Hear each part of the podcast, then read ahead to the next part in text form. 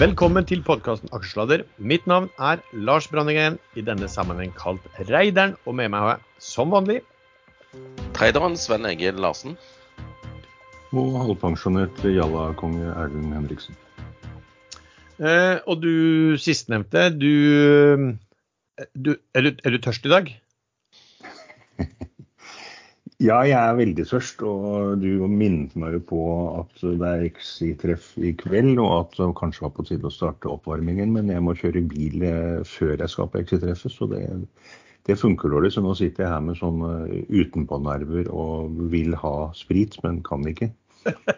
Og for de som lytter, så er klokken nå 11.40 akkurat nå. Men jeg, jeg har rykter om dere skal en tur inn til Aker Brygge i ettermiddag tidlig kveld. Ja, det er XI-treffet. Ja, men det er den mest patetiske unnskyldningen for å snike seg inn på ungdommen og, og gå på VG-lista, som jeg har hørt. Det er jo ikke det- tilfeldig.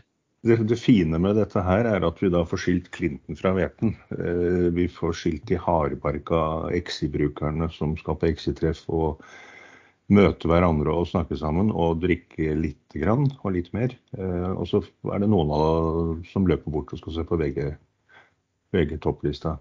Som unge 20-åringer og sånn. Det du prøver å antyde, Sven, for det er jo Erlend som har satt opp sted og Ja. tid, at han er en pervert. Han er en pervert, er det du mener? Uh, nei, man kan ha andre motiver enn kun aksjerelaterte. Nettopp. Ja, Eh, nei, men eh, fare for å gjøre meg selv gammel, så kunne jeg ikke brydd meg mindre eh, om noe særlig enn om VG-lista på Rådhusplassen. Bare, bare fint å høre litt, eh, høre litt eh, livemusikk eh, sånn rundt hjørnet. Um, Erlend, kan ikke du ta vår disclaimer som vanlig? Jo, ikke gjør som dere tror vi sier, eller faktisk sier, for vi er totalt uansvarlige. Vi ringer råd dersom du hører på hva vi sier her om markedet, aksjer, enkeltaksjer og livet for øvrig er ansvaret helt og holdent ditt eget. Det kan forekomme feil i det vi sier i programmet, og panelet panelets gjester kan være lang, kort, direkte eller indirekte eksponert i aksjer, selskaper og produkter som omtales i programmet, og vi har altså ingen anbefalinger. Skal vi starte på vanlig måte da, Sven, og høre hva har du gjort eh, i siste uke? For jeg visste det var noe jeg hadde glemt. Eh, jeg tenkte så mye på alle disse emisjonene, så jeg har helt glemt å, å tenke på hva jeg har gjort i siste uke. Men eh, det jeg har gjort, jeg har kjøpt eh, tilbake litt Biofish under 1,20. Jeg har solgt resten av Instabank. Jeg har økt ganske mye i Seabird Exploration, for der var det en ivrig selger i går. Jeg fikk tak i en blokk der på 360. Jeg har solgt en del av denne Akila Holding, eh, som jeg eh, plutselig hadde fått litt for mye aksjer. Så jeg har fortsatt aksjer der, men eh, jeg har solgt meg ned eh, ganske bra. Jeg eh, sitter short eh, Andfjord. Jeg har økt litt i den. Jeg prøvd meg på en trade i Viaplay. Det gikk så der, for å si det på svensk. Eh, men den, den er oppe i dag, sa jeg, og har vært opp noen de siste par dagene. Så det var litt dumt at jeg ikke bare holdt den. Eh, ellers så har jeg eh, ikke gjort så veldig mye. Jeg har vært med i én eller to emisjoner. Og det er neste segment. Det er neste segment. Erlend, har du gjort noe spesielt?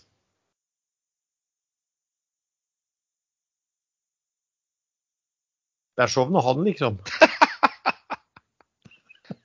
Det var litt tidlig. Han skulle vel bare ut og kjøpe dagens VG, tenker jeg. Ja, krumkakene og plukke opp krumkaker og sånn. Hvis det ikke var sprit, da. Napoleonskake. Ja, men for helsiken, da. Tror, tror, du, tror du kan han kan ha lagt på røret under sending, eller? Altså, Nå har jeg unmute, unmute unmutingen.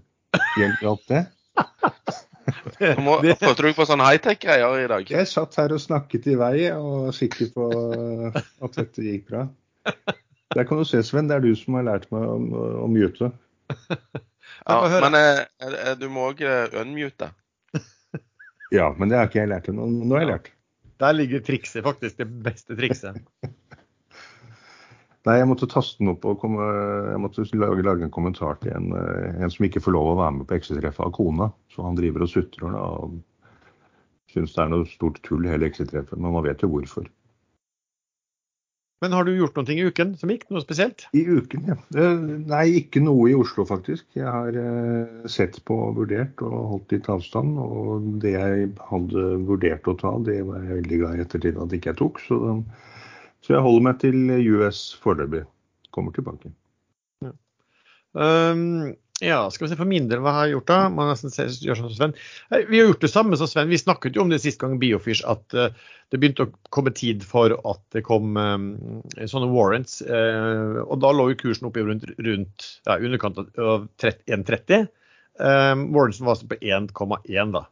Um, og da solgte jeg også ut en del. Og den, gjorde, også, vi gjorde akkurat det samme, da, for den falt et godt stykke under 1,20 ned på 1,16-17. Uh, og da kjøpte jeg en del tilbake igjen der. Fordi at altså hvis Warrensen er på 1,10 og kursen er på 1,16, så, så jeg har jo Warrenser, da gidder jeg jo ikke å utøve de, selvfølgelig. For da, da vil jeg heller sitte med de Warrensene. For de kan jo få om enda en ny bolk, da. Eller du, du kan velge å, å, vente i seks måneder og gjøre dette her eh, da rundt nyttår eller over nyttår. Eh, Nei, det er vel tolv Er det ikke tolv måneders intervaller? Jo, nei, jeg tror det er etter seks og tolv måneder for den første på, på 1,1. Altså du kan, etter at det har gått seks måneder, så har du 30 dager på deg til å utøve den på 1,1. Og Hvis du ikke gjør det da, så har du nye seks måneder, altså det blir tolv måneder. da. Eh, før du, og da kan du igjen ha en måned på deg til å utøve 1,1, hvis jeg leste dette rett. da. Eller mener du jeg tok feil? Ja, det er så lenge siden jeg tenker. Jeg vet bare at det er 1,1 år 1, 1,2 år 2 og 1,3 år 3. Stemmer. Det stemmer. Dette er et sånn eksempel på Warrens er jo en fin måte å garantere, nesten garantere inntekt eh, til selskapet. Ikke inntekt, men eh, penger til selskapet en lang stund framover. Men det er jo ganske kursødeleggende. I hvert fall ikke når det ikke er høye, høyere intervaller. Ja, du, du, legger et lokk på kursen, er det det du prøver å antyde? Det er det jeg prøver å si, ja. ja. Oh, det, og det ser man. For det, ja, for det er jo det som skjer nå. F.eks. når vi selger for at vi vet at det, at det, at det kommer eh, ut noe, og at kanskje kursen var såpass høy at da kunne en del bli fristet. Da, og det er jo ikke store selskapet. Ellers har jeg også gjort det, også økt i eh, Seabird. Så også det kom en dump og fikk tatt litt av den. Ehm, jeg har eh, solgt faktisk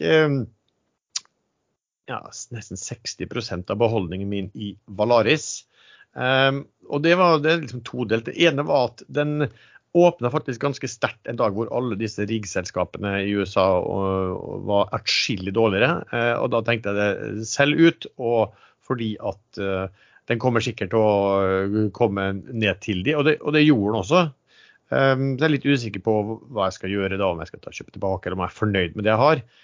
Vi skal snakke litt om bl.a. Doff etterpå, som jeg syns kanskje ga et litt, sånn litt, litt skremmeskudd på, på oljeservicesektoren fortsatt og kjøpt litt um, eh, SDSD og Saga Pure, spesielt sistnevnte. Solgte meg faktisk helt ut av Hafnia, og da begynner jeg å snakke om at jeg føler meg nesten naken uten den. Og den har stukket, den gikk faktisk opp én krone til etterpå. Ikke spør meg hvorfor jeg solgte. Um, sånn var et lite innfall bare, og skal vel inn igjen der da. Redusert litt i deep value driller. Litt sånn som Valaris. Ville ha kanskje litt mindre rigg akkurat helt kortsiktig. Eh, og så hadde jeg noen Argeo-aksjer. Eh, som har eh, steget pent. Det har man vel sittet en stille, og det var en type sånn størrelse på posten som egentlig ikke var at man egentlig ikke fulgte særlig med på den. Så den fikk reisepass. Og så har jeg vel gjort eh, akkurat sånn som du, Sven, litt short i denne Andfjord. Og sånn er det. Ehm, men det skjer jo veldig mye da på emisjonssiden for tiden, Sven. Hvor skal vi starte hen?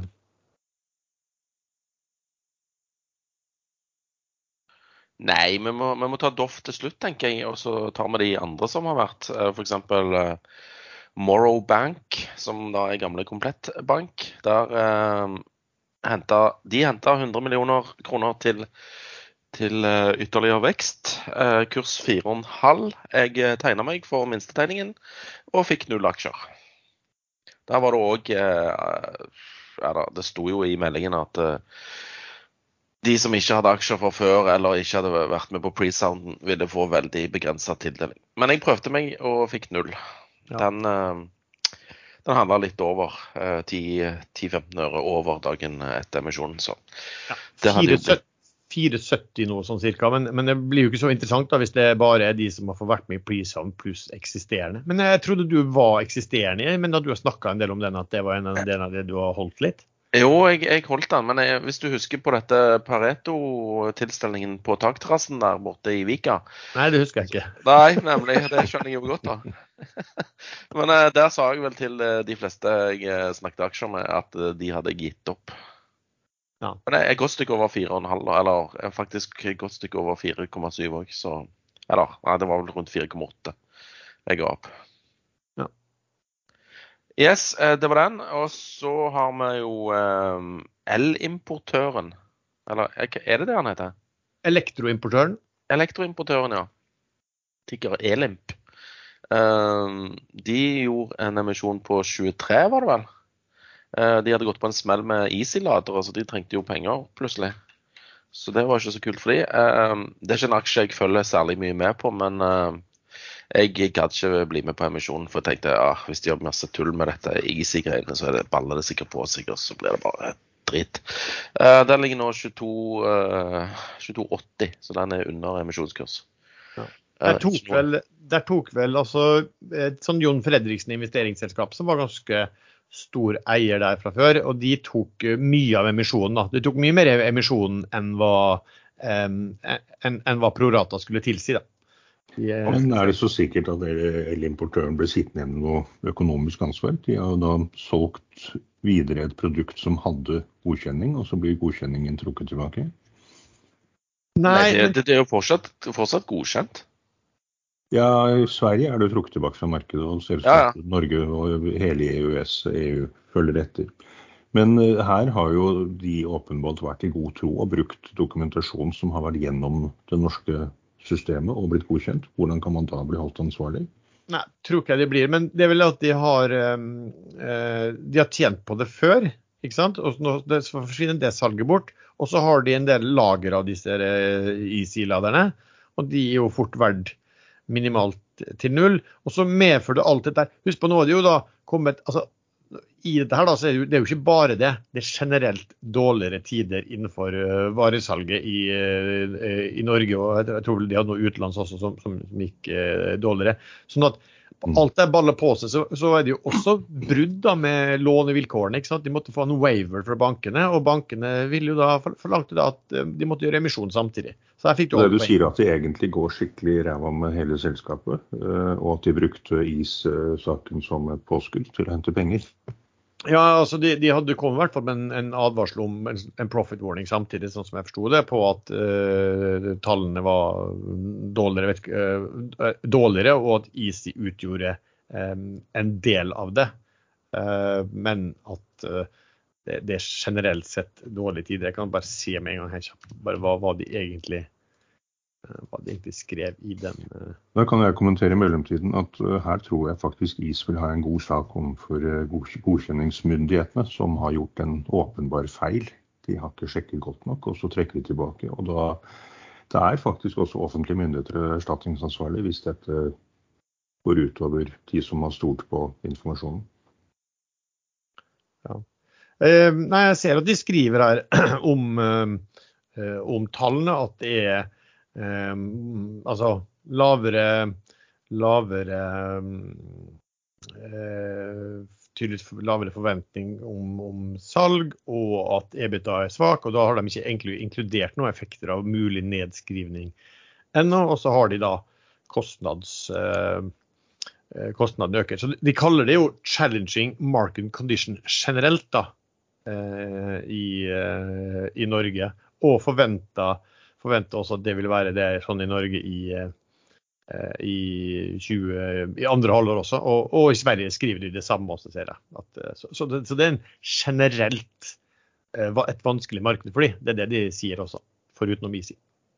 Jeg får jo mail fra Norwegian og XXL og Anton Sport og hele bøtteballetten av sånne som sender tilbud. Og der kommer det stadig mail med siste sjanse i dag, etter at, jeg er, etter at de er påminnet om øh, supersalget i flere uker allerede. Og så går det sjelden mer enn én eller to dager fra supersalget er avsluttet til det kommer et nytt superdupersalg. Så det er ikke tvil om at det går litt dårlig, at litt tregt i ganske mange deler av markedet nå. Varesektoren er det, kommer vel noen SSB-tall også som sa at den, den, datt vel ganske kraftig i mai. altså Varesalget i Norge og betydelig lavere enn forventet også. Så det, du har fortsatt den litt sånn todelte. at tjenestebiten går bra og varesalget går dårlig liksom, nesten verden over. Uh, det var elektroimportøren. Hva mer har vi, Sven? Eh, Bergen eh, Bio har gjort ferdig sin tegningsrettsemisjon, og tildelingen er klar. og Betalingen skulle skje i dag, og det hadde jeg glemt ut, så jeg måtte i går kveld eh, instruere Pareto om å sende meg noe cash, sånn at jeg kunne betale for de aksjene. Ja, tegningskurs 10 øre, den var satt. Det var tegningsretter. De ble vel tilnærma lik null på slutten, hvis jeg ikke husker feil. Eh, jeg tegna to millioner aksjer, hadde én million eh, tegningsretter, og jeg fikk eh, tildelt to millioner aksjer. Ja. Du tegna vel da? Ja, jeg hadde fire millioner tegningsretter, tegna for seks millioner, og fikk det. Og det var jo sånn at den, Litt overraskende nesten at den ble Mange sa jo at den kom ikke til å bli uh, fulltegna, men det ble den jo. Og de som da hadde tegningsretter, fikk Eh, alt de ville ha, inklusiv overtegning. Mens de som tegna uten å rette, de fikk 50% av tegningen sin. Ja, hva skal vi si om sånt? Nei, hva, hva, altså, jeg trodde faktisk ikke de skulle nå maks, maksbeløpet. Nei. Eh, så spørsmålet men spørsmålet er jo liksom hvor mange som er interessert i å flippe den. Altså, må jo si at klart det er jo galskap at folk holder på å kjøper en til til 30 øre når eh, vi og mange andre får aksjer på, på 10. De, for guds skyld, det må gjerne holde seg der, men eh, jeg tror ikke sjansen for den er stor, for å si det sånn. Hvorfor det, tar ikke han Trond Moen å låne ut de aksjene han allerede har? Kunne jo hjulpet oss, eh, oss andre som er med å redde arbeidsplasser i Bergen. Ja, ikke sant. Og, og finansiert en, en, en, en, fredagskveld med andre investorer f.eks. også kanskje ganske mange ganger. Nei, det hadde vært fint, det. Ja. ja. så hvis, det, hvis, han hører på, så er det bare å ta kontakt med Pareto, og så legger de de ut i short-salgspoolen sin. Nei, det gjør de ikke. Jeg tror de tar kontakt med meg direkte. ja. Sånn at Pareto ikke skal dele den short-poolen med alle andre. OK. Men eh, videre til neste. Da har eh, du skrevet Hypro, altså hydrogenpro. Kan jeg ikke huske engang. Så den må du ta. Ja, eh, jeg så bare den, den, den dukket opp, så jeg, jeg, ble akkurat litt paff om, om den, når, når, den egentlig var. Uh, den, jo, den ble mm, satt. Contemplated Private. De skulle hente mellom 80 til 120 eh, mil. Eh, de fikk henta den til De fikk henta 120 mil, hvis jeg husker riktig. Ja, det gjorde de. Og til kurs 24 var den da den den, den 13. Skal vi se på hvordan den gikk da. Den, jeg husker riktig. Så... Han er opp 3 i dag og til 23,7. Så nok en suksess. Ja, og den lå jo på 30 kroner da, eh, dagen før emisjonen. ikke sant? Så, så, så, den ble jo da Det var jo da 20% rabatt også. Og så har den da eh, fortsatt å sklidd litt til og med etter den. Var faktisk ned på 22-tallet i går, ser jeg. Så ikke noe, ikke, ikke noe, stormende suksess, det heller. Uh, ja, mer? Så, ja, så skal vi tilbake til en gammel favoritt. Uh, N-Search Micropower. De har nå brukt opp alle pengene sine igjen, så nå måtte de da hente mellom uh, Hva var det det var? Uh, de henta vel 47 millioner i går. 45 til 75 millioner skulle de uh, Ja. Og til gammelt, altså til den samme tegningskursen som sist, på ti øre. Eh, denne gangen via et meglerhus, da, eh, fordi at eh, det ble litt sånn kronglete sist gang.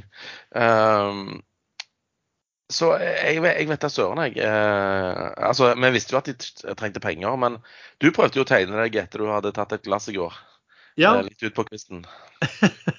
Det stemmer det. Vi hadde faktisk ikke tatt med glass, men plutselig så satt jeg der på kveldingen og fikk en liten ja ja, kanskje man skal bli med likevel. For den forrige ble jo veldig bra, ikke sant. Den gjorde man jo eh, 50% på. Um, så da tegna jeg meg. Jeg tror jeg sendte inn den tegningen sånn rundt klokka 22.00. Um, 23.50 så melder de at eh, misjonen er stengt, og så fikk jeg beskjed i dag om at eh, du hadde sendt inn din da ja, uh, litt sent, fordi at beslutningen de tok, den gjorde de klokka 21.00. Uh, men det som er litt veldig rart her altså Et selskap de trenger penger. De sier at vi skal hente mellom 45 til 75 millioner. og så har de fått, og så når de går ut, så har de allerede tegninger for 45, da. Så de skal opp her. Så får de inn 3 millioner til i løpet av dagen i går. Og så stenger de emisjonen, som egentlig skulle stenges i dag klokken åtte. Så det, er jo, det har de jo fullt lov til, men det pleier de kanskje ikke å gjøre før de får eh, når makstaket.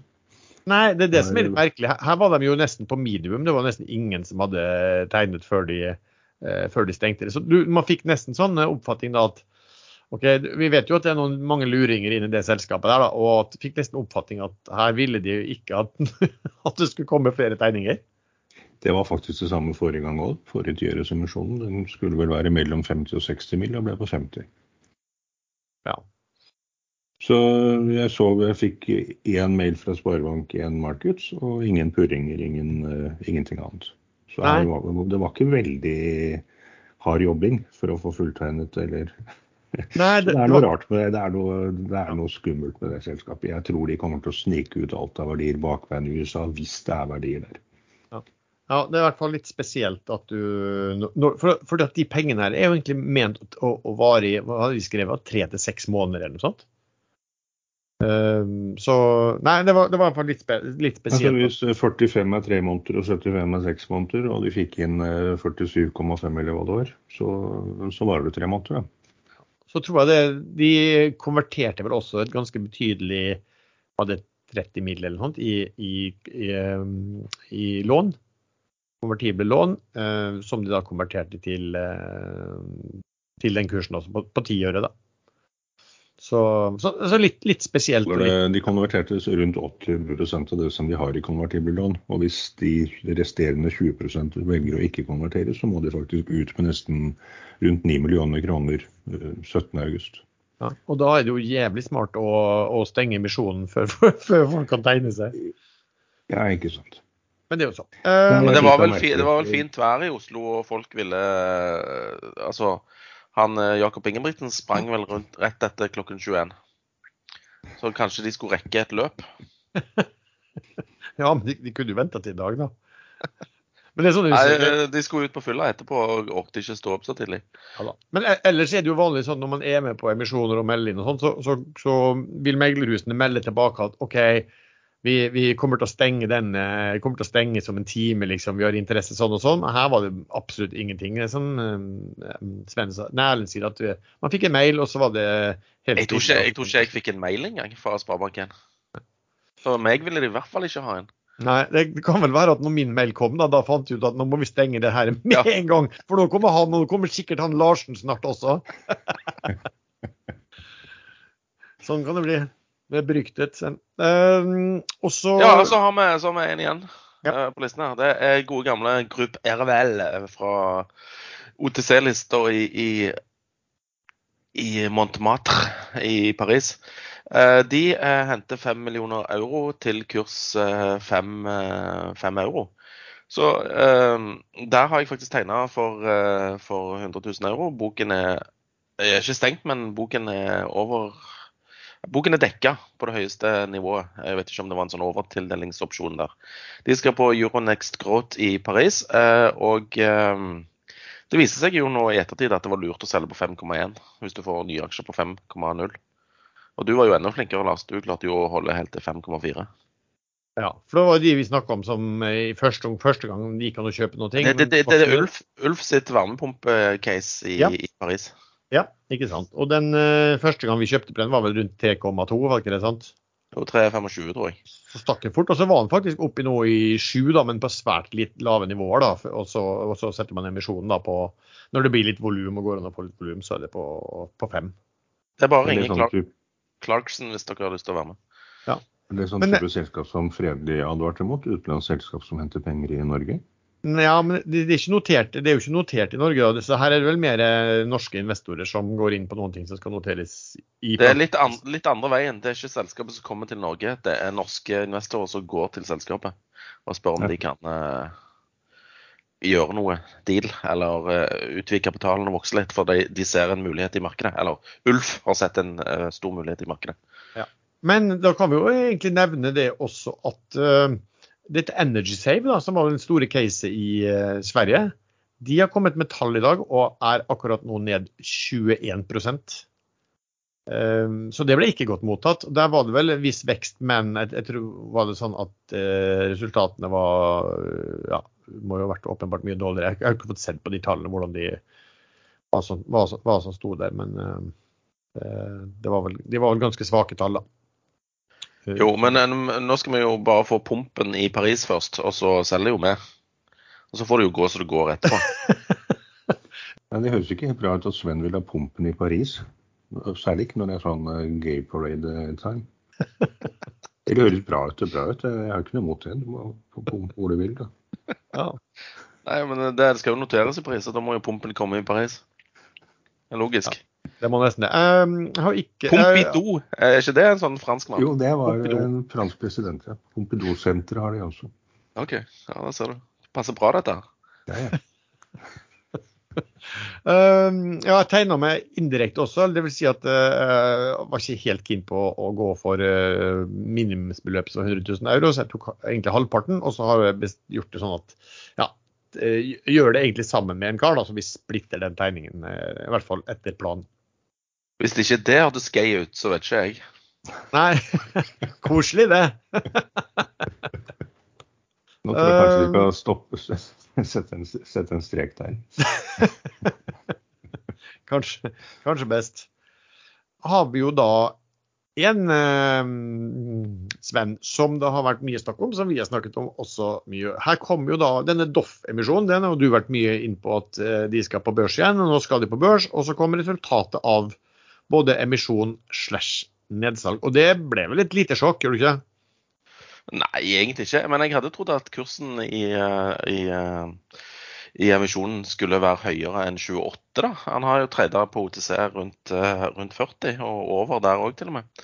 Men det som er litt merkelig, det er at uh, uh, gjeldshav, altså obligasjonseierne, for å få tilbake alle pengene sine, uh, altså på pari, Eh, så eh, ville det tilsvart en kurs på 35 kroner. Eh, bankene er litt høyere, opp mot eh, 39, eh, så vidt jeg har forstått. Fordi at de hadde litt andre sikkerheter enn en, eh, Eller de hadde gjelden i Doff ASA, mens obligasjonseierne hadde gjelden i Doff Subsea, som blir sett på som litt bedre enn en vanlig Doff. Uansett, 28. Det skulle i utgangspunktet ikke være en primary, altså nye aksjer. Det skulle kun være spredningssalg av eksisterende. Men uh, der virket det bare å være eh, BNP, altså denne franske banken, som var villig til å slippe noen aksjer på, på 28. Hvordan de kom fram til 28, og hvordan de kom fram til at ledelsen skulle få aksjer på 23, det må gudene vite. Uh, en kollega spurte i en av disse presentasjonene om hvorfor kursen ble satt på 28, når det obviously måtte ha vært interesse for å gjøre det litt høyere. Og der var det veldig unnvikende svar. Ja, Kanskje for å forsvare at ledelsen fikk på 23? Det er mulig. Og de fikk jo ganske mye aksjer òg. Eller de får ganske mye aksjer òg. Ja, styrelederen og um, toppsjefen de tegner hver for 15 millioner. Da. Eh, altså, jeg må si at når du gir Altså, du skal ut på et slags roadshow og vekke interesse. Og så vet du at du får en Jeg regner med at de visste det da. At du får en mulighet til å tegne til en, til en sterk rabatt under kursen det blir. Eh, altså, da har du jo ikke kjempeinsentiv til å få noe særlig høy kurs da, i den IPO-en. Det må sies. Alt annet enn det. Um, det ene taket, altså, jeg, jeg, tror vi er kanskje litt uenige der, eh, Sven. Altså, når jeg så det der, så uh, solgte jeg litt oljeservice. Og jeg så også at en del supply fikk vel litt problemer etter at den meldingen der kom. Fordi at, som du sier, folk hadde jo kjøpt den aksjen i, i markedet på 40 kroner og trodde det skulle bli høy kurs. Uh, de var ute og snakket selv selskap om stor interesse og internasjonalt og overraskende og bla, bla, bla. Og så dukker de opp, og så blir det 28, hvor Jon Fredriksen får halvparten som ikke er aksjonær fra før. Altså, i hvert fall, Jeg har hørt at noen andre sier om det bare fra meglere sier at dette var tungt. Eh, og jeg mener Alt tilsier det når eh, det er åpenbart sånn at Jon Fredriksen har diktert betingelsene her. Synes jeg i hvert fall. Fordi at hvis det var mange andre som ville ha eh, som ville kjøpe på 35, så hadde de satt den på 35. De hadde ikke latt Fredriksen ta halve emisjonen på, på 28. Og, ja.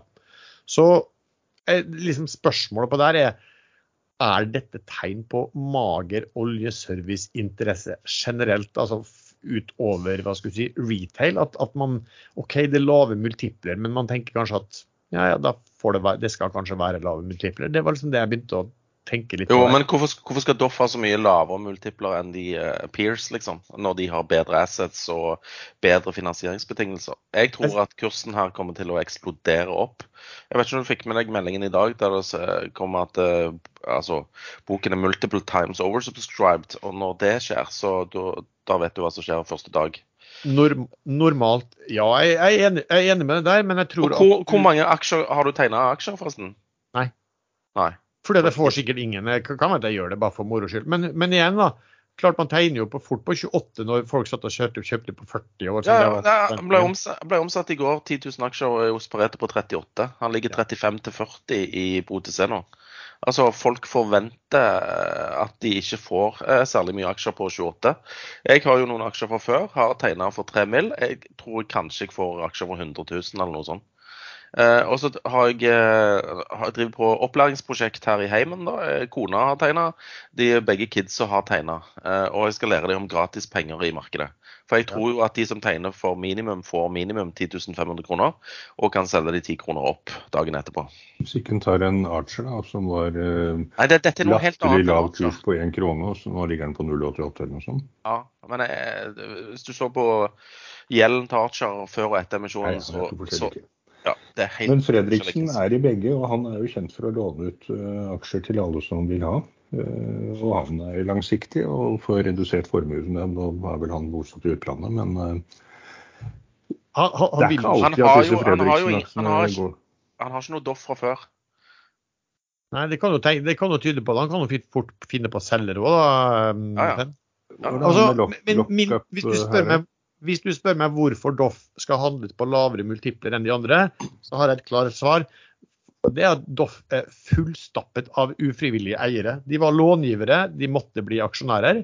Og du så jo at BNP solgte på 28, så det er kanskje ikke andre som vil det. Men jeg tror nok at uh, når den kursen er på 35 og det, det, altså, Fredrikstad har halvparten, og meglerhusene de pusher disse tegningene voldsomt rundt omkring. Hvorfor gjør de det når de skal ha det? Jo, jeg er helt sikker på at meglerhusene gjør det fordi at de vet at det kommer store nedsalg eh, down the line, og de eh, oppdragene vil de ha.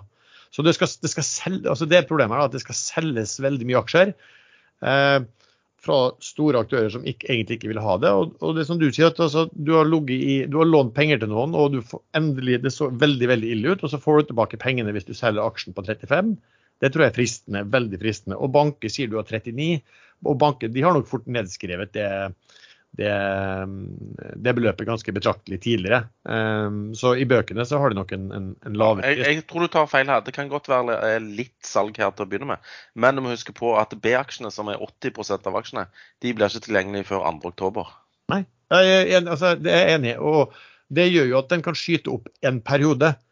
Eh, men jeg tror at eh, når de får anledning til å selge, og hvis kursen da er kommet på mid 35, i hvert fall sånn som markedet i dag ser ut, så tror jeg det kommer til å stå kø hos meglerhusene for å få de til å gjøre nedsalg.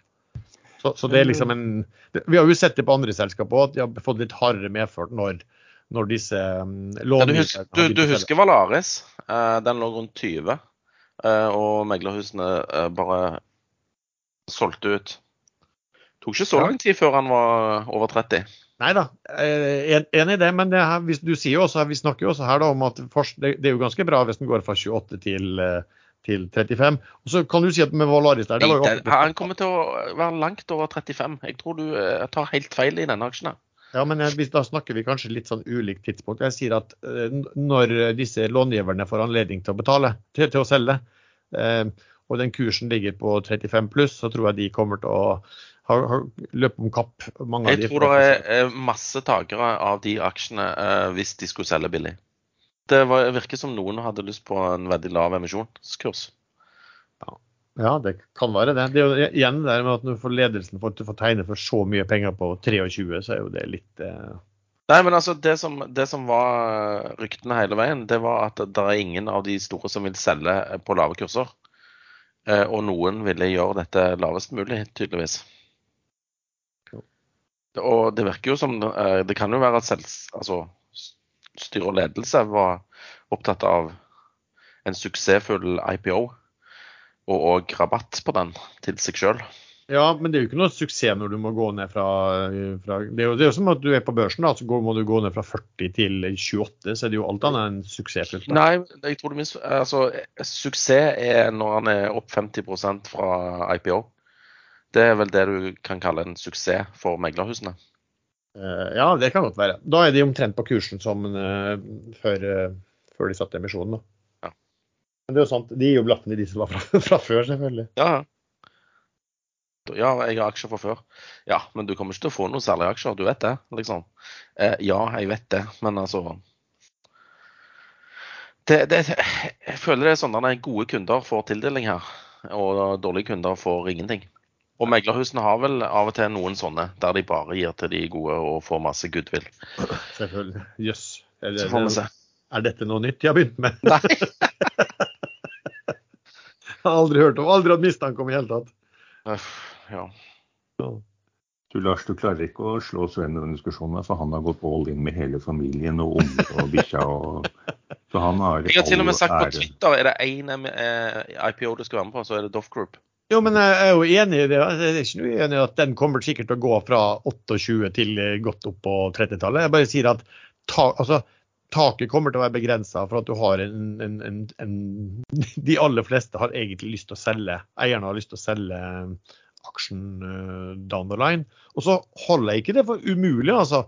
At du kan få en eller annen sånn som Erlend antyder, at uh, OK, det starter sånn, og så kommer det nedsalg, salg, og så viser det plutselig at OK, interessen ikke så, uh, blir ikke så veldig stor. Retail har jo en til å løpe vei. Men jeg tror, det, jeg tror, det, er veldig smart å tegne seg hvis du kan få hvis det er sånn at man får minimumstegningen. Da gjør man fort noen uh, tusenlapper på det. Det må være nevnt at det var veldig mange som kjøpte nå utenom markedet på 40, helt opp til 42 uh, via megler. Og når kursen plutselig ble 28, hvis hvis kursen begynner å falle derfra, da vil jeg tro at mange av de hiver ut ganske fort. Da skal man begrense tap. Men Sven kan få rett. Men hva hvis det er noe helt annet som ligger bak uh, noe underliggende galt uh, bak svakhet i oljeservice generelt? Se på oljekursen. Uh, nå er den på 75. Den burde vært på 80-90 i hvert fall, i henhold til det alle sier om Sandy-kutt og etterspørsel og enda større etterspørsel eh, i andre halvdel av året. Men den, den, har en jevn fallende trend fra over et år siden. Ja, den... Så jeg tror eh, at det, det, det er underliggende så, så, ser det rett og slett ikke bra ut for økonomien. Eh, aksjemarkedet kan være helt frakoblet dette her.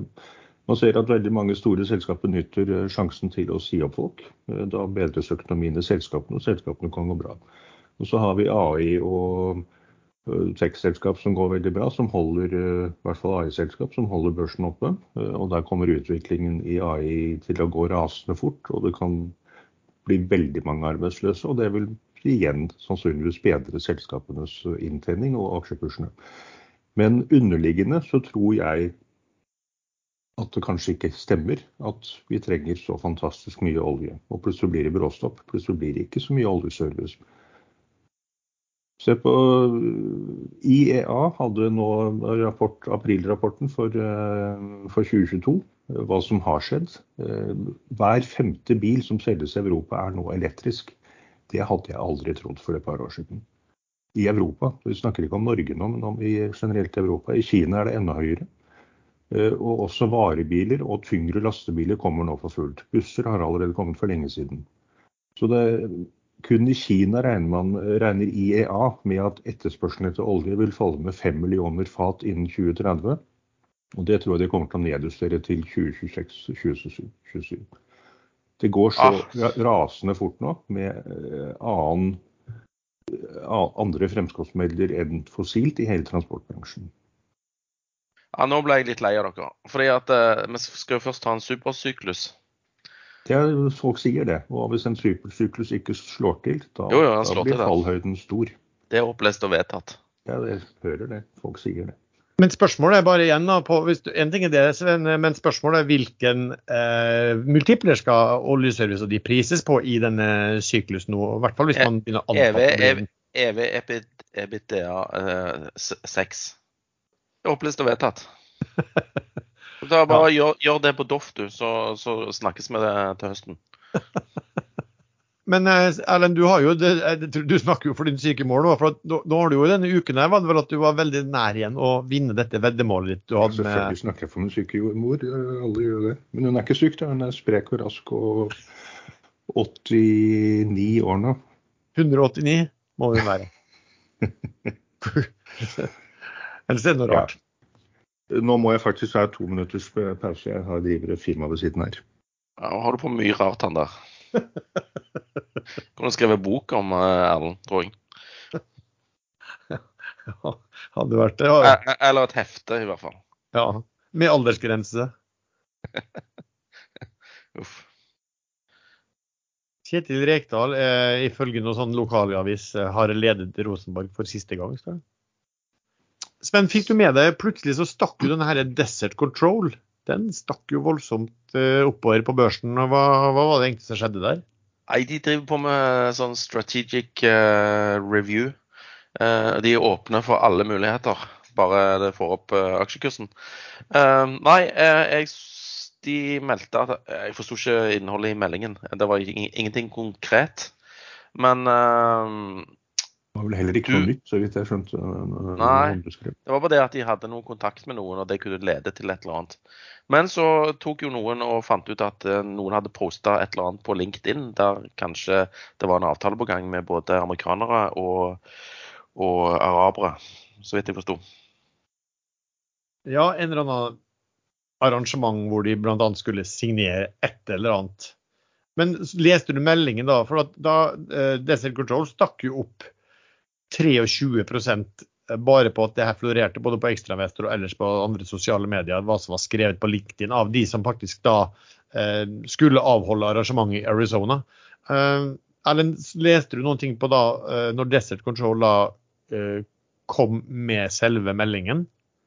Nei, jeg fikk ikke lest det, men sånn øh, helt generelt, det er, det er et veldig dårlig utgangspunkt å forhandle med amerikanere og arabere hvis de motparten skjønner at man mangler penger. Det er ikke Ja. noe kjære mor der, hvis de kan få mer.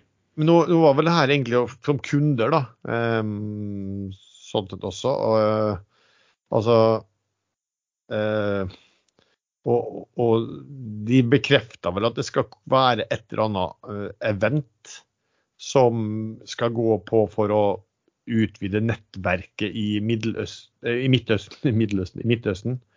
Eh, og en Og at det, kan være da snakk om å potensielt signere avtaler i, eh, som, som, som i tillegg til eh, non-binding intensjonsavtale, som allerede er skrevet.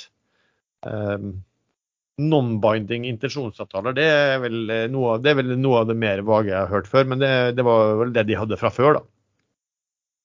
Så dette skulle vel skje egentlig i dag, eh, hvis jeg husker riktig. Altså at, eh, så da må du jo i så fall melde i dag hvilken avtale som faktisk inngår, og om det er noe skulle ikke det, var det ikke i USA, da? I Arizona?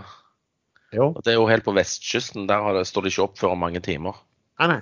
I dag. Så det Ja, ja det må eventuelt komme en sånn Nei, hvis det er gode, gode nyheter, så kommer det jo på morgenen på mandag. Ja. Men den er i hvert fall, eh, den steg jo altså når de meldte at eh, de holdt på med et eller annet som, som var ganske intetsigende, hva det så stakk de jo videre 24% opp, så falt de 13 i går, men så er de opp 11 i dag. da. Så de har, falt, de har jo steget fra, fra dette har kommet fra underkant av 9 kroner og opp til nesten 13 kroner. altså De har fått full uttelling på, på, på, på, de ryktene. Og så blir det jo interessant å se hvilken type avtaler som de kommer med, og om det er mer enn en intensjonsavtale, og om det inneholder noe, noe som helst om kroner og øre eller dollar eller hva det måtte være på, på inntektssiden. Så har det jo skjedd Nå husker jeg ikke helt hva vi hadde som eh, sorte svaner i år. Eh, men det var vel ingen av oss som hadde noen ting om at alien endelig skulle komme til jorda? Nei, det tror jeg var Sven et par år siden. Eller du, kanskje. Vi kan godt ha snakka med Jeg tror ikke det var sist gang. Men altså, det som har skjedd nå i uken, er jo at uh, en eh, som da eh, var tidligere høyt i Pentagon, og som da jobbet på Forsvarsdepartementets eh, si, forskningsavdeling når det gjelder på ufo. Han gikk ut og hadde et intervju hvor han da hevdet at man satt på flere krasjede Jeg tror han sa at han hadde 10-12 krasjer det sånne eh, ufoer, og at dette var Og man også hadde da eh, kroppen og kontakten med disse her, da. Er det han eh, som ser litt sånn hardrock-fyr ut med litt tatoveringer og hestehale, og faktisk har jobbet beviselig i, i en US-forsvaret? Nei, altså han, er, han, er, han er, ser vel egentlig ut som en sånn intelligence officer. Um, ja. For han jeg nevnte, han er faktisk helt uh, hel ved. Uh, han fikk jo presset fram at USA måtte slippe disse videoene, og brukte offentlighetsloven i USA. Så, så han er grunnen til at, uh, at, USA nå har sluppet videoen. De har jo ennå ikke bekreftet at det er, er, noe som kommer fra noe annet sted enn jorda, eller kan være opp til diskusjon fremdeles, men de vet ikke hva det er. Det er helt riktig. Kongressen har jo gående en sånn eh, undersøkelse nå. og, så, og da, så jeg på, på, på CNN, at de spurte han som ledet denne kongresshøringen eller undersøkelsen. Og han sa at de hadde allerede vært i kontakt med han der Grush, som han heter. Og, og liksom, han hadde de credentials. Da. Han hadde, var eh, ingen tvil om at han, har, han er hvem han er da, og har liksom sittet veldig eh, sentralt i dette her. Og han, han eh, som ledet den kongressen, han, han er sikkert blitt leder for han tror på ufo, da, for han ble spurt liksom, av disse programlederne liksom, at eh, tell, fortell oss en gang for alle, liksom, er vi alene her? Nei, vi er ikke alene, sa han da. Så, men eh, her kan det være mye, her kan det være mye rart. For de som har fulgt med en stund, så har det i de siste 40 årene har det dukket opp eh, tidligere forsvarsledelser og kanadiske utenriksministre. Og det er liksom ikke måte på hvor mange som har stått fram og sagt at uh, ufoer finnes, og vi har eh, bevisene og osv. Men man vet aldri hva disse Altså hvor normale eller gale disse egentlig er. Altså, det er jo show, sånn at... the, show me the money. Ja, de, de brukte stort sett, og det var jo han her også, at han hadde jo vært eh, ansvarlig for å un, un, undersøke hva som hadde skjedd rundt. Så han hadde jo igjen, som alle de andre som kom ut noe, de hadde ikke selv truffet og hilst på disse grønne mennene, men snakket med de som hadde hatt med de å, å gjøre. da. Så, så, men OK. Eh, hvorfor snakker vi om dette her, eh, som sikkert mange vil synes er bare sprøyt, i en podkast om eh, investeringer? Jo, det, det, det lurte jeg òg på, faktisk. Ja. Jeg skulle til å spørre òg. Ja. Spørsmålet er da følgende. Eh, hvilken aliens-investering skal man ta? Eh, skal man ha hvis det plutselig dukker opp at we are not alone og vi har besøkende? Sven? Du sier at det egentlig Beklager, Sven, men jeg, jeg må ta den kjapt. Det, det, AI betyr egentlig ikke artificial intelligence, men alien intelligence. At det er nå det slippes løs det de har vist lenge. Ja, ChatGPT, det er jo derfor den er så hyggelig, ikke sant? Det er ikke sant. Det er, det er, jo, en, det er jo en, alien som sitter og, og svarer alle samtidig. Det er godt ja, Sven, vi er i dag, så vi lever fremdeles når, når vi har det. Høre, Sven, Nei, ja, du tror at jeg ikke har, finner noen uh, investeringsmuligheter i dette spacet. Men uh, det har jeg faktisk gjort. Eh, jeg brukte ca. ti sekunder på å finne den perfekte aksjen for hvordan man spiller aliens eh, i, i, i, i markedet. Og det er ticker UFO eh, i London. Det er Alien Metals Corporation. Ja, Men det, nå heter det, ikke UFO lenger, da. Det heter Aerial et eller annet. Ja, men jeg tenker Tiger UFO i, i London Nei, nå var- spratt han litt Det ned. Han er opp, han var nettopp opp 5 nå er han opp 2,5 Ja, Jeg, har- jeg har, jeg har forsinka kurser, forresten. Så den, jeg tror den, den, den kommer til å gå. Da, da mm, fant eh, Sven igjen. Har, har du noe da du ville kjøpt og noe du ville solgt, Erlend? Sånn survival kits kan vel være greit, og sånne bunkere man graver seg ned i og litt sånn forskjellig. Eh, Nei, jeg har ikke tenkt investeringsmuligheter rundt dette ennå. Men hvorfor tror vi eh, altså at de folk er at de er onde og vil oss vondt? Hva har skjedd alle steder hvor eh, europeere fant nye jaktmarker på jorda? USA og Australia og Ja, Men vi er jo mennesker. Dette Ja, men er jo hvorfor- ikke mennesker. Men hvorfor har de ikke gjort det allerede i så fall, da, hvis de ville oss vondt? Kanskje de ikke er mange nok? Nei. Eller kanskje de er tilbakestående? Altså, men, men eh, Nei, altså Hva man skulle kjøpt da? Kanskje man skulle kjøpt noe alkohol? og Folk hadde kommet på fest og bare juling og regna med det at nå er det slutt. Det er bare fulle opp. Hæ? Ja, det er mye morsommere å sitte og se på Aliens Invasion når man er full enn når man er edru. Ja, ja, ja, det, det, det tror jeg. Og så skal man shorte Ja, man skal shorte Doff da, Sven. fordi at fordi, fordi at hvis det er en alien, så må du jo bruke energi på en helt annen måte enn hva vi gjør. Ikke sant? Er, er du betalt av ledelsen i Doff for å beise i forkant av IPO, eller hva er det? Du driver jo på med masse sånne sidevirksomheter hele tiden. Jeg har sjelden sett en oppegående person være så uh, uh, fortapt Ja, bak kalkulatoren. Jeg tenkte på oljeservice generelt sett. Jeg nå. Måtte bare stikke deg litt. Men over fra én alien til en annen. Eh, Jay Powell hadde jo møter nå i uken som gikk. Eh, Det var renteavgjørelse i den amerikanske sentralbanken. Og hva hadde han å si til eh, massene? Vi tar- en pause, sa han. Eh, Vi, vi gjør ingenting med renta. Så de lot den være uendra. Men det som skjedde, var jo at de, Fed har sånn dot-plot, der liksom medlemmene som har noe å si, plotter inn hvor de ser for seg eh, rentetoppen. Og, og der var det konsensus at det blir to rentehevinger til, eh, mot forventa én renteheving, eh, egentlig.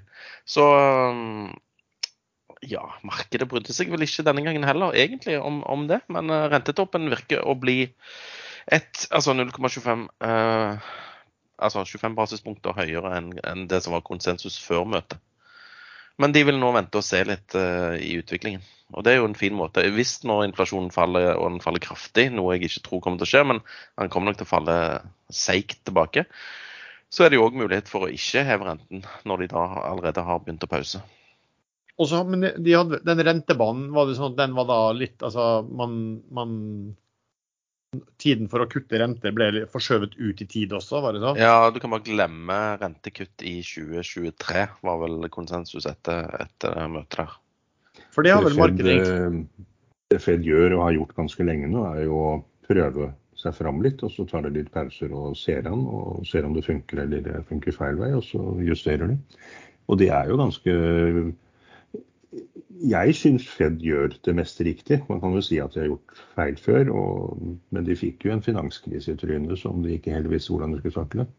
Og da blir det gjerne ringvirkninger og følgefeil. Ja, jeg er enig der. Det tar jo litt tid også før de renteøkningene virker. Jeg så vel, husk på I USA så er det jo veldig vanlig å ha um, altså, rentebinding på, på boliger, f.eks. Uh, og det er klart, Da tar det litt tid. for at hvis, hvis du har det, så spiller det ikke noen sånn stor rolle for deg om rentene går, ut, går opp, så lenge du, så lenge du har det, det låneløpet. Da. Så, Men i USA så har jo de fleste boliglån med fast rente. Ja, nettopp. Ja, Altså Det er bare nye eh, lån som da eh, blir med høyere rente.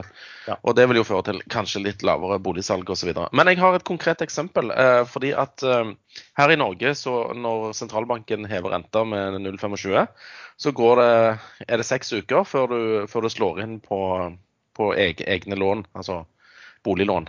Eller er det en måned? Ja. Det blir i hvert fall, det er en forsinkelse i systemet på, på en måned. La oss si det er en måned. da. Ja. Mens eh, jeg har jo en eh, leilighet i Spania eh, med litt lån på der òg. Og der plutselig så, eh, så var rentekostnadene fordobla. Plutselig en måned. Og jeg skjønte jo ingenting. Men der viser det seg at der er rentejusteringen én gang i året. Så renten har jo gått opp i eurosonen og ganske kraftig. Og, men der da slo det plutselig inn nå eh, i eh, april, var det vel. Så en gang i året så ble renten justert. Det må jo være litt må være bad banking, for da kan du jo risikere at de må sitte og gi eh, fortsatt uh, billige lån en periode, mens de som har innskuddene, de tar ut pengene hvis de ikke får Nei, jeg vil jo tro at gamle, altså nye lån blir jo gjort til markedsrente. Jo, jo, det er klart. Men jeg, jeg, jeg skjønte ingenting. Altså, så, så nå er du egentlig blakk, da? Derfor du har gått all in i Doff? Ja, det er jo det var enten kasino og sette alt på rødt, eller nei, jeg hadde vel satt The last stand, liksom. Ja, ja. Nei, men, og det kommer jo til å slå for med veldig mange, da. Eh, vil jeg tenke, hvis det plutselig så blir rentebelastningen dobbelt så høy. Ja, ikke sant. Men i USA er det vel mer eh, firma, bedrifter, eh, hva heter det for noe, eh, det andre markedet. Eh, næringseiendom, eh, som man frykter litt på pga. renteøkningen. At det er mye som skal løses inn, refinansieres. Jeg har lest at det er veldig mye som skal refinansieres i år, men i går eller forrige var det en som skrev i chatten at det verste er i 2024 og 2025. Ja. Nå var vel Hegnar ute i dagens Finansavisen og skrev at boligmarkedet kommer til å gå til helvete. Jeg har ikke fått lest det ennå, men uh, Jeg kan ikke fatte og begripe hvorfor det ikke går til helvete når Stort sett alt annet enn boligmarkedet har jo stoppet opp. Men boligbyggingen har stoppet opp, og pressområdet er jo Stor-Oslo-området. Halve Norges befolkning bor rundt her nede. Jo, men, det, men, kan ikke det være at hvis du ikke får noe tilførsel av nye bygder, og du får flere, enda fortsatt folk som kommer til, inn, inn, mot storbyen, så vil det være økt etterspørsel etter boliger, mens mindre tilbud. Akkurat nå, i hvert fall en periode, vil det kanskje herje før rentene og alt der slår gjennom? Ja, Det kan være en eh, lang forsinkelse, men eh, jeg driver akkurat og skal kjøpe en eh, ny brukt firmabil etter at turboen gikk i stykker på den gamle. Og det, er, det hives ut ganske nye biler nå med enorme rabatter. Men alt det med makro og rente og alt det altså, Erlend, du har vært veldig negativ. Sven, du har vel vært mer sånn go with the flow. Er dere der fortsatt? Eh, ja, jeg har jo også sånn sett vært go with the flow. Det er sjelden ikke Du har vært kjempenegativ siden, ja, siden før jul. Var det begynte jo med før koronakrakket, og det krakket kommer, men det hentet seg fort igjen. Men jeg var jo med på oppturen der til de grader etterpå, selv om jeg var negativ. Men det er jo ringvirkninger Det vi ser nå, er jo ringvirkninger av det som startet med korona. Eh, for så vidt forsterket finanskriseringvirkningene. Så det, nei, jeg skjønner ikke helt hvordan man skal lande med begge beina uten at det blir litt mer alvorlig krakt først. Så kom aliens opp alt dette her, da, og AI. Så jeg tror ikke man skal tror ikke nå er tiden for å kjøpe masse unødvendige ting. Man burde spare, ta litt vare på cashen sin. Ja, Men i aksjemarkedet også, kanskje? Ja, det som dro veldig før, det drar bare litt nå. Eh, og så har man disse unntakene da, hvor en aksje plutselig går 20-50-100% hvor nesten uten grunn. Se på Ørsted. Den har gått på to og en halv måned, så har den gått fra 550 til eh, nå 671. Det er jo ganske pent. Men det har jeg sett komme lenge. da. Den skal til 1000. Ja, Vi må ta med oss den europeiske sentralbanken òg. De hever ja. med 0,25. Eh, men òg hever rentebanen på lik måte egentlig som Fed. Så det, det er globalt, dette her. Ja. Tror du sånn som Fed og, og, og, og kanskje europeiske sentralbanken i mindre grad, men det har jo vært en voldsomt rally på børsene i USA, og spesielt eh, Nasdaq. Tror du Fed er redd for at det, det liksom gir, gir, seg utslag i høyere etterspørsel? For de vil jo brem, prøve å søke å bremse etterspørselen litt, det er jo det de vil. Ja, altså et høyt aksjemarked vil jo føre til at folk er rikere enn det de egentlig burde være, hvis aksjemarkedet da heller hadde falt. Da mister jo folk verdier, og kjøper ikke så mye tull og tøys. Jeg husker for når vi snakket om inngangen til året, så var det jo sånn at nesten alle sånne aksjestrateger de spådde jo et dårlig altså Aksjemarkedet globalt skulle bli et dårlig første halvår, men et bedre andre halvår. Eh, her, her skjer det Vi kan i hvert fall si at de har bomma ekstremt godt eh, på første halvår, da, som har vært et solid eh, første halvår. Så spørs det hva andre halvår blir. da. Kanskje det blir motsatt av hva de har sagt. Nå har det jo vært eh, noen år hvor det var veldig mange nye selskap som kom på børsen, men nå er det det de kaller for noteringstørke. Jeg tror det er bare tre selskap som er, som er ny på børsen i år. Sven, noen spesielle grunner til det, tror du? Jeg tror kanskje uh, forventningen om pris er litt for høy blant de selskapene som vil på børs, i forhold til det markedet har lyst til å betale.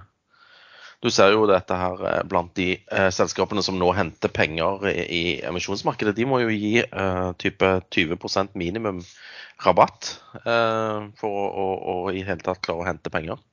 Så jeg tror kanskje det er en, et gap der mellom forventninger om oppnådd pris og hva markedet er villig til å betale. Hva tenker du, Erlend? Nå blir jeg litt distrahert her av å lese meldingen om at eh, skuta var på plass ved Aker Brygge. 55 fot. Dette, dette sa vi til deg for uh, en halvtime siden. Jo, men da var jeg opptatt med andre ting. Ja. ja. Vorspiel fra klokka 14. Spørsmålet var hvorfor er det Ja, det er snart drar jeg, da. Ja, det må du. Eh, spørsmålet er hvorfor er det noteringstørke på børsen? Ja, Det er, er jo litt åpenbart, det. da. Det svarte sikkert Sven veldig godt på. Det han sa, skal du bare si. Det Sven sa, ja. ja. Jeg er enig med Sven også. Så det, det, er jo rett og slett uh, ja. Det er mange som har tapt mye da, på noteringer, de som kom uh, over noen år. Og folk har kanskje for store forventninger på pris, også når de ser på Eh, prisen noen enkeltvær på børsen, og så er det ikke så lett når det skal komme friske penger inn i, i disse her, da. Men du vet hva årets beste børsnotering blir? Eh, eh, ja, ja, for at Doff er ny. Ja, Doff er jo ny. Det er jo nytt selskap. Doff Group. Ja. ja, ja. Det blir det sikkert. Ja, men så bra at du var enig. Ja, jeg har sagt det. Jeg tror den kommer til å gå opp. Initielt, til, bare, men til et visst nivå. Ikke de drømmegreiene som du holder på med. Du har uh, hørt uttrykket 'Doffen har daua'? Jeg har en T-skjorte Ja, Doffen, Doffen daua jo, men nå har han gjennomstått. Ja, men jeg har en T-skjorte som det står 'Doffen har røtna' på. Det er fra Rakfiskfestivalen i Fagernes. Spesiallaget til meg. Fordi jeg var Doff-investor og besøkte en venn der oppe, så han fikk printa opp den. Doffen har røtna, og så ligger en eh, sånn rakfiskluktende død Doff på ryggen. Sånn er det. Jeg tenkte jeg skulle bare nevne også, Det var en artikkel som jeg leste. Det er litt interessant den. fordi at jeg har toucha inn på det før. Uh, uh, fordi at Jeg har jo nevnt at jeg eier dette Saga Pure, som egentlig bare er cash nå. Så de, har de ett selskap igjen som de eier som heter Heimdal Power, som de eier 22% av. Altså, den artikkelen, Nå var det en stor artikkel i um, Financial Times som var veldig interessant å lese. Det var jo dette her med problemene med strømnettet over hele verden. Altså, man bygger da opp masse eh, og har en backlog av masse vind- og solprosjekt. Men eh, infrastrukturen i dag er jo ikke bygd for å motta disse. Så de får rett og slett ikke knyttet seg på eh, i den hastigheten som man trenger til eh, strømnettet. Og Det er jo litt sånn fascinerende da, når man begynner å lese det der om, om aktører som, som eh, prosjektutviklere som forteller Financial Time at du har vind, vind, noen vindparker som en, må vente i åtte år eh, før de kan, eh, før de kan eh, koble seg på nettverket. da, som, som, som ja, leverer elektrisiteten deres rundt omkring. og Det er jo litt sånn fascinerende da, at når, når, du gir så ekstremt store eh, subsidier og politikerne er så opptatt av at dette må vi bygge ut. Og så tenker de ikke på at strøm, strømnettet takler jo ikke å ta imot det, og tåler ikke å ta imot det. Vi har måter å omgå det på, bl.a. ved å produsere hydrogen da lokalt. Eh, og ikke måtte kjøre det ut i nettet og så frakte hydrogen rundt som man frakter bensin og diesel i dag. Så, så det, det, er nok ikke så svart og mørkt som, som, det kan høres ut som du sier der. Men uh, det vil også bli bygging av vesentlig flere lokale nett enn det er i dag. I dag er det veldig mye nasjonalt. At det går over hele landet og kobles sammen alt sammen. Det er ikke alltid man trenger det. Ja, jeg så, nem jeg så nemlig en oversikt over hvor, hvordan det ble investert i dette her fra, fra um, Financial Times, og det tyder jo ikke på at det, den investeringen der økte eh, egentlig i det hele tatt. Eh, så de kalte jo liksom det at det var massive short term bottlenecks, eh, og at man ja, kø køene stiger. Så det er jo litt sånn eh, fascinerende. Altså, på et eller annet tidspunkt så må jo nesten politikerne eh, adressere dette her, da. Ikke sant? Hvis de skal pushe på å få grønn energi inn i, inn i nettet, så må du jo faktisk kunne eh, Jo, men de, de gjør jo det. De jobber, jobber med det. Men eh, min lille teori om Putin og hans angrep på Ukraina er jo at han eh, fant ut at han måtte slå til litt raskt før Vesten faktisk eh, dro fra fullstendig på renewables og ikke hadde bruk for hans gassolje lenger. Jeg hører du sier det, men de må jo investere i det. Eh, tallene viser jo at de ja, eh, ikke investerer i det. Ennå, i hvert fall. Um, så det blir jo Jeg er ganske sikker på altså, det ligger planer eh, Det ligger vel pakker i IRA-løsningen rundt det også, gjør det ikke? Det, jeg vil jo anta det. Det ville jo være helt galskap hvis ikke. Men nå har ikke sett noe til det. Og Bill Gates skrev også en sånn artikkel så fra, var vel i februar også, eh, at kanskje den, den, den, beste tingen nå man kunne gjøre for, for miljøet, var å få investert i, uh, i the grid. Uh, sånn at man uh, faktisk kunne, kunne ta imot fornybar energi da, og, bygge det ut. For ellers var det jo litt, litt, litt mening i det. Ja, nei, Det gjelder jo Norge òg. Nå er det jo akkurat vedtatt i Stortinget faktisk på et MDG-forslag som Høyre og Arbeiderpartiet og de alle, alle, alle andre stilte seg bak umiddelbart at det skal ikke lenger være konsesjonspliktig å produsere over 100 megawatt strøm eller hva det er for noe fra lokale solcelleanlegg. Og 100 megawatt er jo ingenting for en stor fabrikk som kan fylle hele taket med strøm med solceller. Eller vindmøller som også skal bli lov på eksisterende industriområder. Litt sånn mindre utgave av det. Så da fjernet de det taket, men det løser jo fremdeles ikke problemet med at griden i Norge også er altfor dårlig. Så høyspentnettverket må bygges ut. Hvis man da ikke klarer å kombinere det med vesentlig flere litt lokale nettverk. At man får spredd strømmen ja. i lokale områder. Det høres ikke ut som du hadde det spesielt travelt nå, Erlend. Jabbe går, liksom. Om helt uinteressante ting. Ja.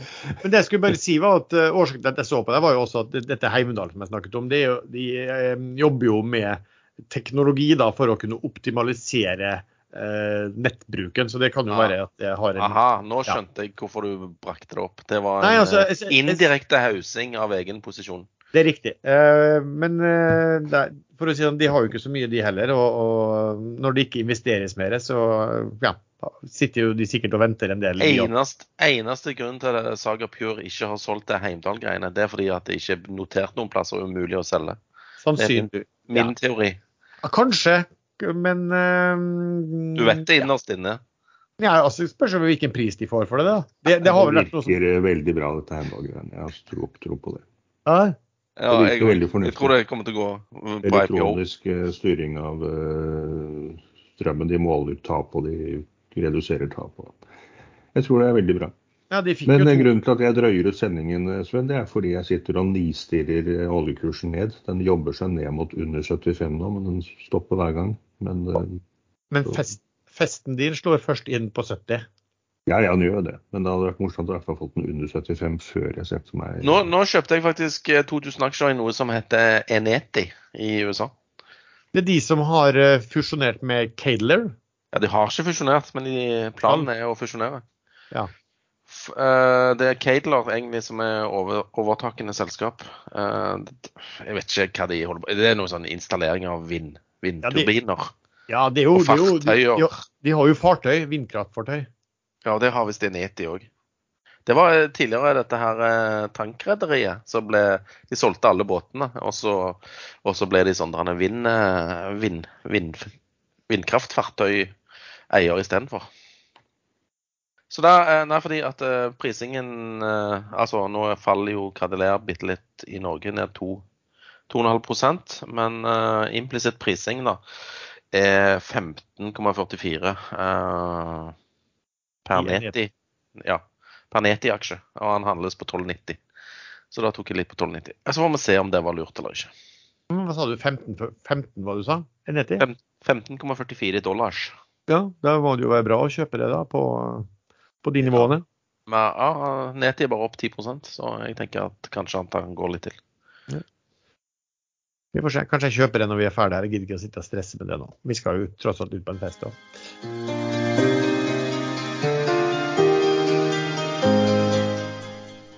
I mai ble Refuels, ticker REFL, notert på Euronext Growth Oslo. Selskapet er en av Europas ledende leverandører av fornybart biometan, og har som ambisjon å lede tungtransporten mot nullutslipp. Gjennom datterselskapet CNG Fuels har Refuels 11 fyllestasjoner i Storbritannia, og ytterligere to under bygging, samt fire hvor byggstart er forventet innenfor de neste tolv månedene, mens målsettingen er å ha 30-40 stasjoner i drift innen utgangen av 2025. Selskapet er aktiv i alle deler av verdikjeden, inkludert innkjøp og handel med grønne sertifikater i et markedsbasert system. Renewable Transport Fuel Certificates.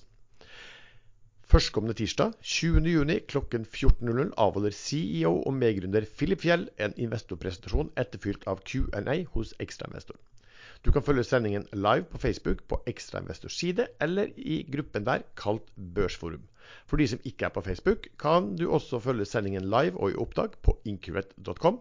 Lenken til dette ligger i beskrivelsen til denne episoden. Nei, er det noe annet dere har lyst til å snakke om, eller skal vi kaste oss over på ukens favoritter? Bra. Jeg tror jeg Sven hadde blitt sur nå hvis Erlend hadde begynt å snakke igjen. Um, vi har glemt å snakke om thorium. Ja, thorium, ja. ja. Kina ja, godkjente nå i går eh, thoriumreaktor. Ja, fint. Den, vi tar, men vi tar den etter at vi har spilt inn den slutten vår. Den tar vi da. Erlend, Sven, få høre hva du har for uh, uken som kommer. For uken som kommer så kan jeg først snakke om Andfjord Salmon. De hadde sin kapitalmarkedsdag og kunngjorde at de hadde fått en bankfinansiering på 700 millioner. Og at de hadde engasjert eh, Altså de hadde fått eh, bankfinansiering av Sparebank1 Nord-Norge og Eksportfinans, tror jeg det var. Uh, uansett så meldte de òg at de hadde inngått finansielt Nei. Uh, uh, hva det heter for noe? finans hjelp fra tre meglerhus, som var da eh, ABG, eh, Sparebank1 Markets og eh, Arctic. Uh, og da klarer jo folk som er i aksjemarkedet å skjønne at her kommer det en emisjon, og de skrev vel òg at det var en potential equity issue eller et eller annet sånt i, i, i disse materialene. det som da har skjedd, det var at etter kapitalmarkedsdagen så har meglerhusene hatt Andfjord på besøk. Og på torsdag så hadde bl.a. Sparebank1 liksom en uh, ja, gjennomgang av selskapet med uh, folk som eventuelt kunne være interessert i å putte penger i dette. For eh, sånn som jeg har forstått det, så er det en rimelig stor emisjon. De sa jo at 700 millioner var dekket av bank. Og så opplyste de om at totalt investeringsbehov er rundt 1,6 milliarder. Så da har du en balanse der som må dekkes av et eller annet som ikke er banklån. Så da kan jo folk tenke sjøl hva, hva, det består i. Jeg trodde det skulle komme en transaksjon i går etter disse møtene rundt omkring i meglerhusene, men det gjorde det ikke. Og det kan jo tyde på at, uh, at det tar litt lengre tid å, å skaffe interessenter. Jeg uh, Eh, kommuniserte med en megler i et av de tre meglerhusene i dag, og han kunne fortelle at de, det fortsatt er en prosess som pågår. Så um, ikke bli overraska over hvis det kommer en emisjon der i neste uke. Jeg er, uh, for the record, uh, short litt aksjer i den. Du er, du er, short, og nå sprer du ondsidende rykter om emisjoner? Det skal være, du bare være glad for, fordi at ryktene sier jo at du er litt short der. Oi, det var sånn det var, ja. Ellers liker eh, ja, eller, eh, ja, hadde du noe mer å tilføre på den? Nei da, altså det, det, Du, du har ikke lyst til å snakke om mailer som er feil, eller som har, inneholder for mye informasjon? eh, i forhold til det de burde. Men det kan vi jo ta en annen gang på års, årskavalkaden. Ja, det kan vi heller gjøre da. Nei, det var egentlig bare at eh, det er jo noen enkle regnestykker om, om, om hva de må trenge og hva de kan få i fremmed kapital. da, og da vet man jo hva som vil gjelde i, eh, på Ja, jeg tror kanskje òg det, det sprikende punktet her er eh, prising i en eventuell emisjon. De har, selskapet har investert 500 millioner, eh, og bokført verdi er vel òg rundt 500 millioner. Market, altså markedsverdien på egenkapitalen er 1,7 milliarder, så det er et visst avvik der i forhold til eh, investerte penger. Eh, det er mye framtid som er, er prist inn her. Har du noe annet enn uh... Jeg liker fortsatt Seabird. Uh, venter på at uh, båtene skal få gode avtaler på høye rater. Det er vel drømmen der.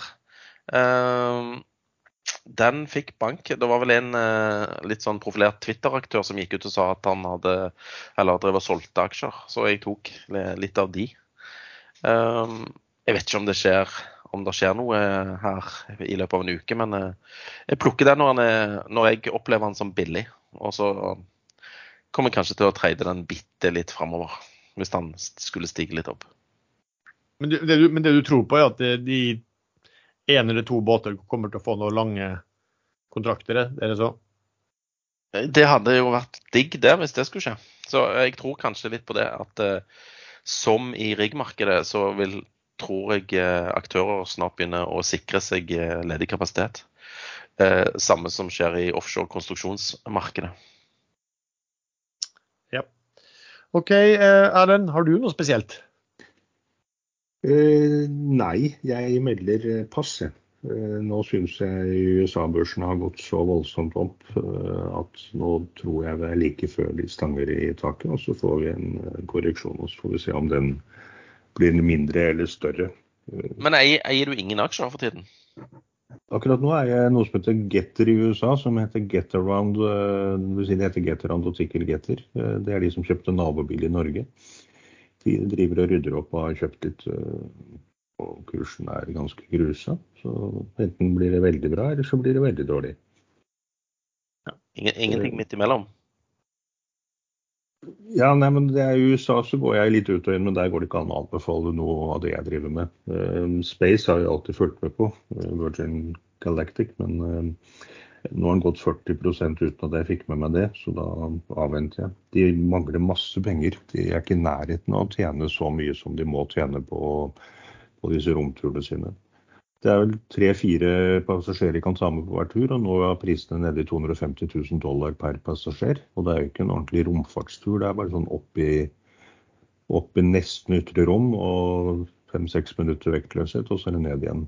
Eh, så det vil si de kan kanskje tjene rundt en million per tur, men de har 163 eh, millioner dollar i forbruk i kvartalet, hadde de i hvert fall forrige kvartal. Så de er liksom ikke i nærheten av å å tjene penger. Så der kommer det en gigaemisjon, tenker jeg. Eh, Nicola av alle selskap, dette fantastiske selskapet som lovte, i, lovte litt mer enn de kunne holde, og trillet en lastebil opp til toppen av bakke og videofilmet han trillet ned. De har muligens fått et andre liv. Kursen er opp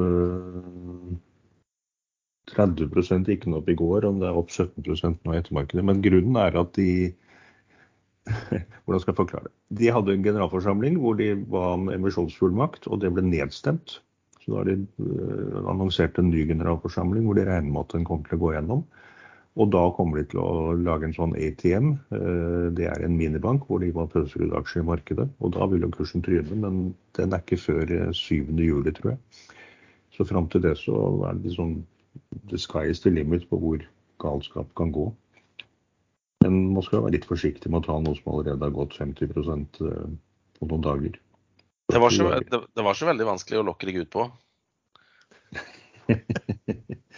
Nei, men jeg syns eh, US-markedet Det er jo et par sånne selskaper i Norge òg. Men de, de, selskapene jeg har fulgt noen år i Norge, som holdt på å si sin film, men Enso og Idex, øh, så man alltid har vært klar over at eh, ledelsen er mildt sagt suspekt. Og det er jo Jeg har ikke noe tro på det lenger. Det er Kanskje Tinn får det til, men jeg tror ikke aksjonærene kommer til å få de pengene. Det er, det er så mye rart som skjer der. Men har, du egentlig, har jo men har, Idex- bare, unnskyld, men har du egentlig vært interessert i det? Fordi at du har jo alltid vært så veldig kortsiktig før og, om de får det til til slutt, eller om aksjonærene får pengene til slutt. Bruker jo å være litt, litt underordnet.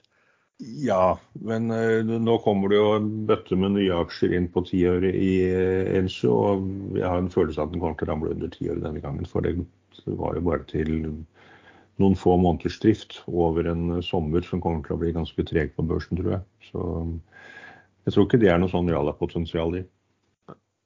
Okay, eh, fra. Det, det jeg så, var at SAS, flyselskapet SAS, de meldte at eh, de regner ikke med at chapter 11-prosessen i USA er ferdig før rundt årsskiftet. Og det åpner jo for at en kan få noen vakuumrønn i perioden fram til det. Skal mye, til, mye, skal mye til at de konker før det, men det kan skje. Hvis EU opprettholder eh, avgjørelsen om at de må tilbakebetale 11 milliarder eh, kroner i koronastøtte, så, så kan ikke jeg skjønne hvordan man skal klare å redde SAS. OK. Eh, for min del så Jeg, fikk, jeg kan, ta, kan ta et spørsmål. Det var egentlig et ganske godt spørsmål. For det var en som hadde sendt et spørsmål inn i forbindelse med at jeg da både kjøper og eier Saga og kjøper. Og han skriver at Lars, du benevner jo de, de, hvordan de opptrer nå i selskapet som irrasjonelt og aksjonæruvennlig, men så øker du. Hvor er logikken i det? Og det er jo et godt spørsmål, faktisk. Um, Jalla Det svar- trader. hæ? Ja, du har blitt en jalla trader, du òg. Nei, svaret på det er egentlig at, at jeg syns det er så store rabatter. Altså, du, du, du kjøper en lommebok med til 15% rabatt, og så får du dette Heimdal på toppen. Altså, for den så, så Så jeg vil jo håpe og tro at eh, hvis man ser en sånn deal-making av Spetalen à la litt godt gammelt merke, og at han ikke begynner å bruke selskapet til eh, eh, nag mot andre, så, så blir det bra. Men samtidig så er det jo sånn at hvis jeg taper på dette, her da, så, så kan jeg jo ikke begynne å skylde på så veldig mye. For, for det er jo en del tegn her som ikke er, som ikke er bra. Det må sies.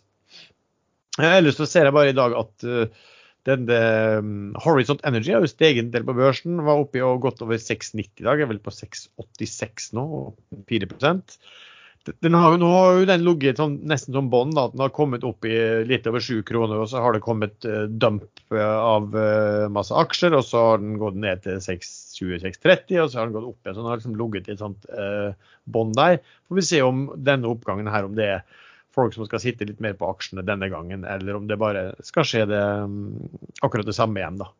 Eh, Men ellers så har jeg ikke noen ting. Jeg sitter og følger litt med på denne rødløgeren, Viking Supply Ships, har falt ganske mye på, eh, på børsen. Det har jo i og for seg gjort mye innenfor eh, supply uansett. Har en del der. Mulig at jeg kanskje kan øke der, men sesongen hittil er jo ikke den, den man hadde håpet på, med, på kanskje på, på rater og på um, ikke minst eh, børskurs hittil.